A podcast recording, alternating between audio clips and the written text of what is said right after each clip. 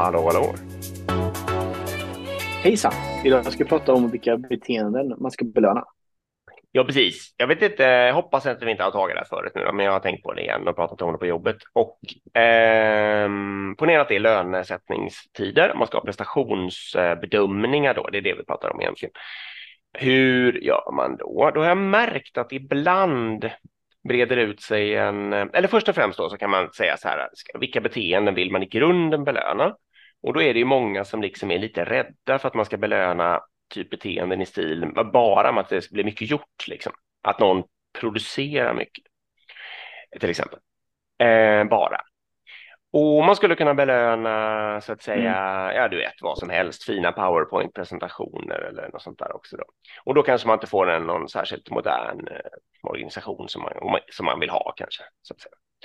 Men sen kan man tänka sig att man ska belöna då eh, individuella respektive teamprestationer. Eller förlåt, jag ska hänga kvar en, annan, en sekund. Först. Så vad man, förutom att kanske belöna lite om någon gör mycket arbete, så, så i min organisation försöker jag verkligen att tänka på att belöna om människor lär ut, om de tar hand om, eh, om de nya, om de tar hand om de som kan mindre än de själva eh, om de eh, sprider sin kunskap aktivt även i en bredare kontext och kanske om de, eh, eller typiskt då om, om att de tänker på hela organisationens bästa och inte bara liksom på sitt team eller något sånt där. Sånt gäller det liksom. Mm.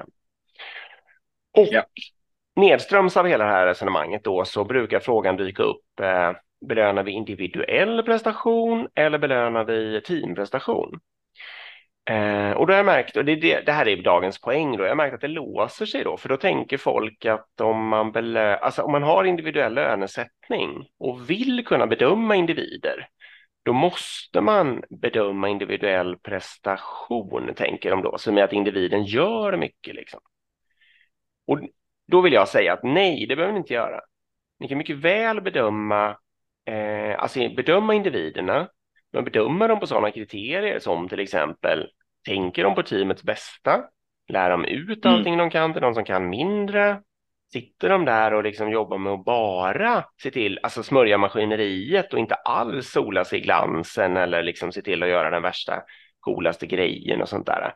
Då kan man ju belöna det mer så att säga och, få, och då verkligen eh, så man får sådana beteenden som lönar sig för, i en teambaserad organisation. Det var det jag har reflekterat Vill du, nu ska jag släppa in dig. Nej, helt rätt. Ja, håller, det är tråkigt. Jag önskar att jag kunde säga håller inte alls med. Det är helt rätt. En annan sån kriterie som jag nämnt någon gång innan, men som är bra, det är också hur, hur, ehm, eh, hur mycket de ser till att andra stannar kvar. Alltså hur mm. mycket retainar man annat folk. Liksom.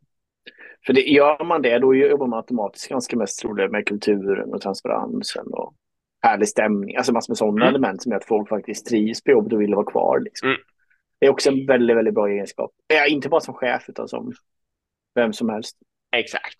Nej, men eh, se till att folk är kvar, kolla stämningen, hjälpa till och bidra till kulturen eh, och för den mm. delen även eh, hjälpa till att rekrytera nya fantastiska människor och så där. Det vill ju de flesta göra, ja, men det är också en ja, sån absolut. grej som man kan och bör belöna liksom, eh, och kalla alltså som bör ge höga betyg i någon slags prestationsbedömning om man nu har det då. Liksom. Ja. Eh, Nej, men annars håller jag helt klart med dig. Eh, att det, det, det, det, blir farligt att blanda in team eh, prestation på det här liksom. Um, ja. Sen, för det, det, kan också vara så att det sitter en helt fantastisk människa någonstans i ett väldigt, väldigt dåligt team och inte mm. alls har förutsättningarna att flyga liksom. Och då får inte den personen på något sätt bli drabbad av att teamet inte levererar så att säga. Mm. Um, och, det och tvärtom också. Det kan ju vara någon riktigt dålig som sitter i ett riktigt högpresterande team. Eh, som också bara då i så fall skulle... Ja, nej, så det, jag håller med. Det är fokus på individen. Ja. Och sen ha med team, team element i bedömningen snarare. Exakt. Ja, men bra, du. Det var inte så konstigt i och för sig att just du skulle förstå vad jag menar. Men jag har märkt att man måste lägga lite tid och energi på att förklara det här pedagogiskt.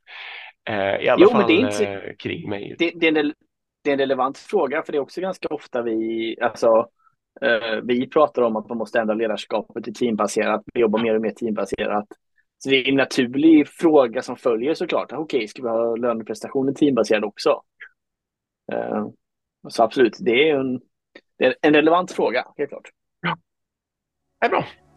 Det var fem. Tack för idag. Tack för idag. Hej. Hej.